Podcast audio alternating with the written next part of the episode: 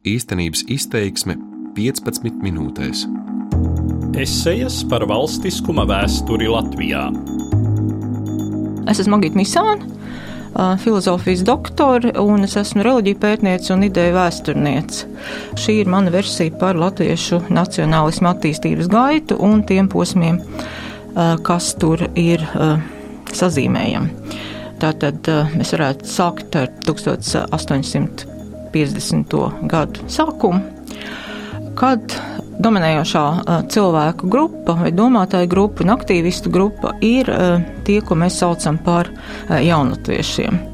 Kā ļoti bieži gadās, arī šis vārds sākumā tika izmantots mazliet nu, nievājoši vai nu, zobgalīgi. Mācītājs Gustavs Bražs bija tāds, kurš rakstīja kritiku par jūra alunānu dziesmiņām, un tur viņš teica, nu, šeit ir tādi cilvēki, kur grib būt kā jaunie vācieši vai jaunie itāļi. Un tad jaunatvieši ir tad, tas vārds, kas tādā veidā ir radies. Bet kā arī reizēm citos gadījumos ir noticis, ja no šī zobgalīgā identitātes cilvēks sāk ar to lepoties, ka viņam piederēja, ja, un, un to arī pārņēma. Un, un tā tas arī ir noticis šeit. Tāda jaunatviešu gadījumā un šajā, šajā pirmajā posmā mēs varam saskatīt, manuprāt, divas. Viena ir šis te romantizētais skatījums uz pasauli.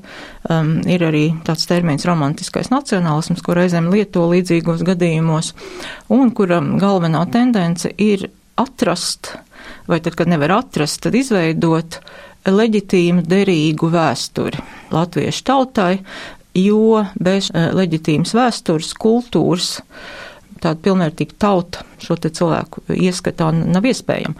Un, un to viņi mēģina eh, darīt. Eh, ļoti svarīgs mēdījis ir mājas viesis laikraksts, kas 1856. gadā sāk iznākt, piemēram, Juris Alanāns, vienu gadu laikā tur publicēja 25 rakstus, un tur eh, var redzēt ja, šos te ļoti naivos un, protams, nekādu zinātnisku kritiku neizturošus mēģinājumus ja, e, aprakstīt latviešu, viņa reliģiju, viņa kultūru, valodu, identitāti un, un tam līdzīgi. Un ir arī citi e, autori, ja, kas, kas mēģina to, to līdzīgi darīt. Tad galvenā tēma šeit ir tāda, nu, atrast vēsturi, ja, e, novietot tautu kartē, ja, mēs kā kultūras tauta, ja, kas, kas mēs esam, kādi mēs esam. Eh, un otra tendence ir saistīta ar emancipāciju. Tā ir tā liberālā eh, strāva, kas, kas jaunatviešu sākumā ir redzama. Šis ideoloģijas centrā ir brīvs indivīds, neatkarīgs, ja, eh, kurš ir kuram ļoti būtiska ir izglītība, kuram ļoti būtiski ir attīstīties arī ekonomiski, attīstīt savu personību, ja, bet arī attīstīt savu materiālo stāvokli, ja, esiet bagāti. Ja, un, emancipācijas un liberālā strauta tad ir vairāk tāda vērsta jau nākotnē. Ja. Jauntieši bija gan e, ļoti lojāli e, Krievijas impērijas pilsoņi, ja tur nav runa par kaut kādām radikālām pretvalstiskām aktivitātēm, ko viņi darījuši gluži otrādi, jā, viņiem bija diezgan labas karjeras, vienam otram e, pavisam lielisks, jā. Viņiem varbūt bija tā problēma, ka viņi īsti neiederējās šajā te eh, Krievijas impērijas vidusšķirā, tāpēc, ka viņi nebija Krievi, viņi nebija pareizticīgi. Ja tā pašā laikā pēc savas izglītības un pēc saviem talantiem viņi mierīgi būtu varējuši būt starp sabiedrības elīti. Ja? Un, ja mēs palasam viņu arī tekstus, vēstules un, un cik no ir iespējams biogrāfijas, tad mēs varam redzēt, ka viņas tas ļoti nomāc, jā, viņi grib saprast, kas viņi ir. Un um, meklējot, kas viņi ir, tad viņi arī atrod jau savas tautas mantojumu, jā, tas ir tas, kas ir citādāks, jā, tas, kas ir savādāks, kas ir saistīts ar viņiem, jā. Un, un tad rodas arī Latvijas nosaukums šajā te kontekstā un viss pārējais. Bet uh, tātad uh, tas nākotnes redzējums ir vairāk saistīts ar tādu brīvu individu sabiedrību, viņus īpaši neinteresēja um, piemēram, kaut kādu ļoti sociālu jautājumu. Viņi nemēģina aizstāvēt kādus uh, cilvēkus, kur varbūt ir sliktākā ekonomiskā situācijā. Um, nē, tas ir, ir ļoti tā liberāli, uh, individuāli. Viņi nebija revolucionāri. Uh, un uh, nākamais uh, posms, ko varētu iezīmēt, ir uh, grūti definējams tā sākums chronoloģiski, mm, bet tas ir laikmets. Ko vēsturē sauc par la belle epoque, jeb skaistais laikmets, ja mēs iedomājamies jūgenstilu un, un dāmas cepurēs ar rozēm, ja tas ir tāds diezgan klasisks vizuāls tēls šim te laikmetam. Un man šķiet, ka tā ir viena tāda mazāk pamanīta šķautne Latvijas vēsturē. Mēs tādā kontekstā daudz nopietni nerunājam, ja, bet man liekas, ka to vajadzētu darīt. Ja. Jo kas ir la belle epoque? Kāpēc tas ir skaists laikmets? Sāksim ar to, ka tas ir laikmets, kad nav nopietnu militāru konfliktu Eiropā. Ja tas ir miera laiks, kas ir diezgan garš. Līdz ar to tas, protams, kā zināms, mieras baro, nemieras post, un tad šajā miera laikā ir, ir iespējas izpausties tādām aktivitātēm, kas varbūt nebija agrāk iespējams. Otra iezīme ir, ka tas ir laiks, kad uh, pamatoti ļoti daudz cilvēku, es domāju, ka lielākā daļa tic progresam, tic labai attīstībai uz nākotni. Reizēm saukt šo te posmu par otro industrializāciju Eiropā.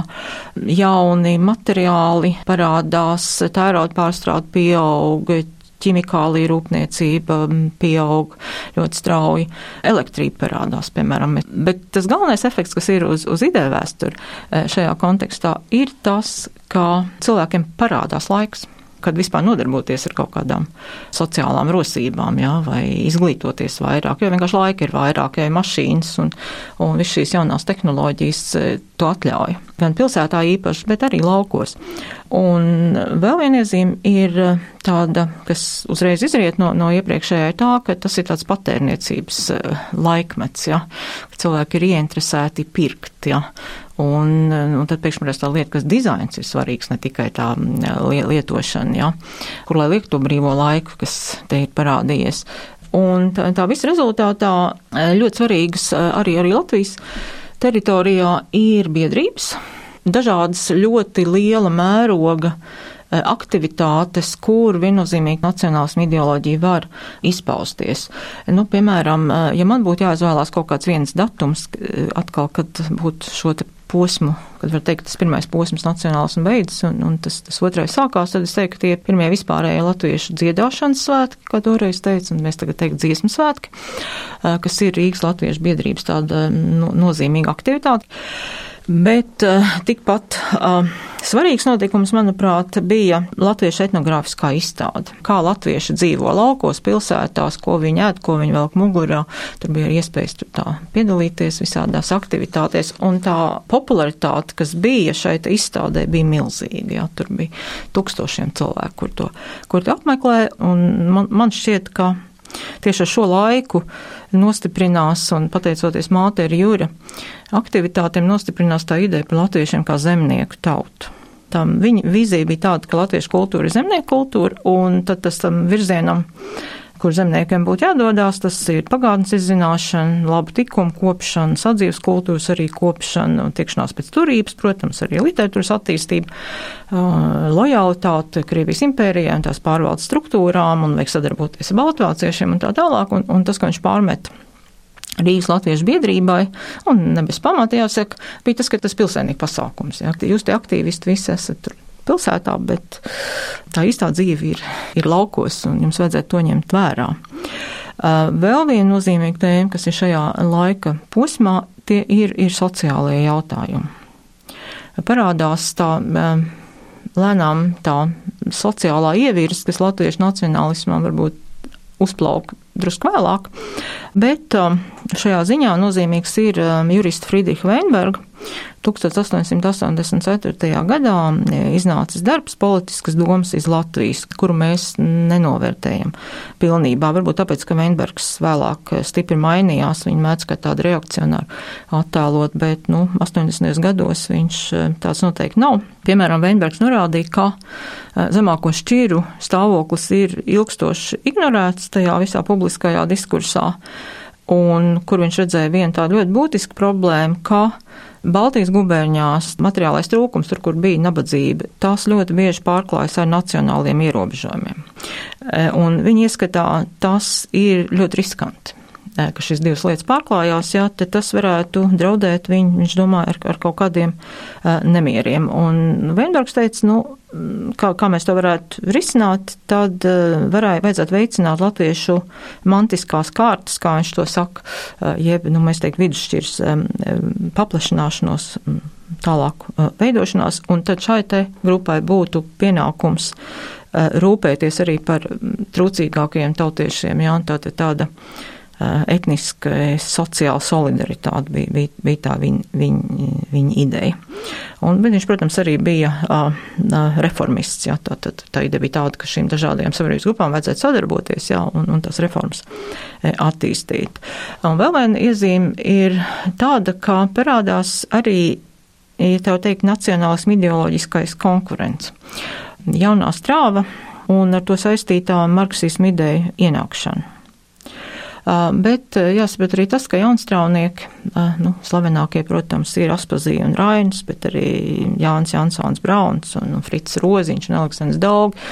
Um, viņi bija ļoti atšķirīgi savos tieši nacionālajos uzskatos. Protams, viņi visi bija kreisi orientēti, bet um, tas, ko viņi domāja par um, nacionālo jautājumu, bija stipri atšķirīgs katrā individuālā gadījumā. Dažiem tas vispār neko nenozīmē. Daži, daži redzēja tur kaut kādu bīstamību, un viņi tur ļoti ironizēja dienas lapas. Um, Jaunstrāvnieku laikraksta lapusēs par tiem romantiskajiem nacionālistiem, visādi viņus izsmēja, bet tur bija arī citi, kuri uh, uzskatīja, ka tomēr etniskā identitāte ir svarīgā lieta. Jā. Un tad parādās vēl viena kustība, kuras mēdz saukt par jaunacionālistiem. Pazīstamākie cilvēki tur ir, piemēram, Andrijas Niedra, Acis ķēniņš un daži citi. Un, viņi bija arī tie, kuriem bija vislielākie nopelni šīs te latviešu etnogrāfiskās izstādes organizēšanā. Un viņi bija arī ļoti ietekmīgi Rīgas Latviešu biedrības zinību um, komisijā. Uh, un arī viņi uh, reflektēja gan par agrākiem jaunatviešu attīstības jautājumiem, bet nu, tas, tas vadmotīvs viņu sacerējumos ja, jaunu nacionālistu tā dēvēto bija aicinājums attīstīt modernu uh, tehnoloģiju attīstībai un latviešu ekonomiskām interesēm atbilstošu nacionālismu. Viņi ir ļoti skaidri sev atzina par nacionālistiem, tā viņi to arī deklarē, mums ir vajadzīgs jauns nacionālisms. Un, uh, Viņi bija varbūt visaktīvākie kosmopolītismu pulgotāji. Viņi ļoti nirdzīgi izturējās jā, pret tiem cilvēkiem, kam nav viņu nacionālās intereses vai etniskās vērtības svarīgas. Īpaši Andrievs Niedra, nu, nu, tas viņa uzskats bija, ka nacionālisms ir tā tautiskās apziņas augstākā forma, jā, kas ir saistīts ar nacionālās savdabības izcelšanu. Jā. Un viņš arī diezgan daudz reflektēja šajā laika posmā par nacionālismu, saturu un, un, un būtību. Tā kā mēs redzam, ka šajā otrajā posmā ir ļoti daudzveidīgs nacionālisms, ir ļoti dažādas attieksmes parādās sabiedrībā pret to, un daudz vairāk cilvēku iesaistās. Tas ir ļoti svarīgi, jā, ja mēs domājam, piemēram, par jaunatviešiem, jāsaprot, ka jaunatvieši nebija masas kustība. Tie ir daži desmit cilvēki, aktīvi svarīgi, un, un viņi arī, arī tur darbojās, jā, bet tas neskar ļoti plašas tautas masas, jā, nu, varbūt tik daudz, jā, ka varbūt kāds lasīja tās viņu publikācijas. Augstākais šī posma tāds sasniegums manā ieskatā ir Miķeļa Valtera darbi. Vēl viena nenovērtēta figūra, manuprāt, mūsu nacionālismu vēsturē, kuri tap Šveicē. Bija vairāki uh, sociālistiski noskaņot cilvēki, kuri pēc 5. gada revolūcijas uh, bija spiest atstāt uh, Latviju un arī pirms tam jau tur daži bija emigrējuši, nu tur bija diezgan tāda sarežģītā uh, situācija. Un tad Valters uh, uh, bija viens, nu, varbūt pašiem intelektuālākajiem latviešu nacionālistiem, un viņš bija, jā, sociāldemokrāts pēc pārliecības, arī, arī politiķis. Bet, protams, nacionālismu ideja evolūcija ļoti mainās, kad sākās uh, Pirmais pasaules uh, karš. Un uh, laika posmi no Pirmā pasaules kara sākuma uh, līdz Latvijas um, republikas satversmes stāšanās spēkā 1922. gadā uh, es gribētu saukt par nākamo trešo latviešu nacionālismu attīstības posmu. Kāpēc šāds te formāts? Un kas bija šajā posmā svarīgākais. Es teiktu tā, ka ir viens jautājums, kas ir pašā pašā centrā šajā laika posmā, kas politiski it kā attiecās uz pilnīgi dažādiem vēstures, nu, chronoloģiskiem posmiem, ja viens ir līdz Latvijas republikas dibināšanai un, un pēc tam kādu dažu gadu. Bet kas vieno šos it kā ļoti nemierīgos un ļoti, ļoti dažādos varbūt laikus, ir viens jautājums. Kādai jābūt latviešu nācijas nākotnē? un kādai jābūt Latvijas valstī, kādam valstiskam modelim ir jāpastāv latviešu apdzīvotajā teritorijā. Vispār Pirmā pasaules kara laiks ir, manuprāt, viens no pašiem neparastākajiem posmiem vispār Latvijas vēsturē un, un latviešu nacionālismu vēsturē. Arī, arī latviešiem un, un Latvijas iedzīvotājiem vispār nepagāja garām eh, tā sajūsma, ar kur tika uzsverts eh, Krievijā kara sākums jūs varat lasīt un, un redzēt arī hinohronikas, ja, kur, nu, beidzot, nu, beidzot, ja, tagad eh, kaut kā, nu, mēs viņiem parādīsim, ja. Apmēram tāds ir tas vadmotīvs, kas, kas tur ir redzams, bet tas ātri pārgāja, jo Krievijas armija cieta šausmīgus militārus zaudējumus 14. gada rudenī. Bija skaidrs, ka tā nevar karā uzvarēt un vēl vairāk 1915. Eh, gadā Kurzem bija okupējis Vācijas karaspēks un simtiem tūkstoši iedzīvotāji nācās doties bēgļu gaitās uz Krieviju. Rīgas rūpnīca, eh, Rīga bija milzīga industriāli nozīmīga pilsēta. Krievijas impērijā viss šī rūpnīcas tehnika tika demontēta un evakuēta, un tas, tas ir ļoti traģisks posms, protams. Bet no otras puses, šeit latviešu organizācijas un plašākas tautas masas parādīja savu spēju mobilizēties. Tāds stereotips, ja, ka latvieši lieliski mobilizējas grūtību un draudu brīžos, bet, bet mums ir problēmas ar mierīgu attīstību. Mēs tad uzreiz sākam ne, kaut kā uzvesties destruktīvi, bet tajos kritiskajos brīžos, jā, cilvēki parāda milzīgu gan intelektuālu kapacitāti, gan arī spēju sadarboties un, un daudz izciest, jā, mērķu vārdā, tad, tad tāds pierādījums varbūt tam ka šim stereotipā varētu būt kaut kāda taisnība. Tā gandrīz vienīgā telpa, eh, kur varēja attīstīties kaut kādas plašākas diskusijas pār nacionāliem jautājumiem un to latviešu nākotni, par ko nu, cilvēki bija nobežījušies reāli, eh, bija laikraksti.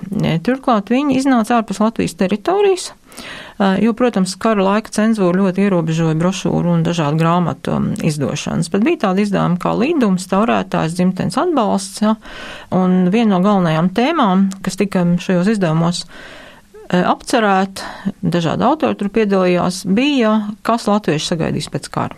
Gan par to, ko nozīmē tādi jēdzieni kā nācija un nacionālisms, kas ir dzimtene, latviešiem un kas ir tēvī, ir pilnīgi skaidrs, ka lasot šos izdevumus, ka uh, dzimtene ir Latvijas teritorija.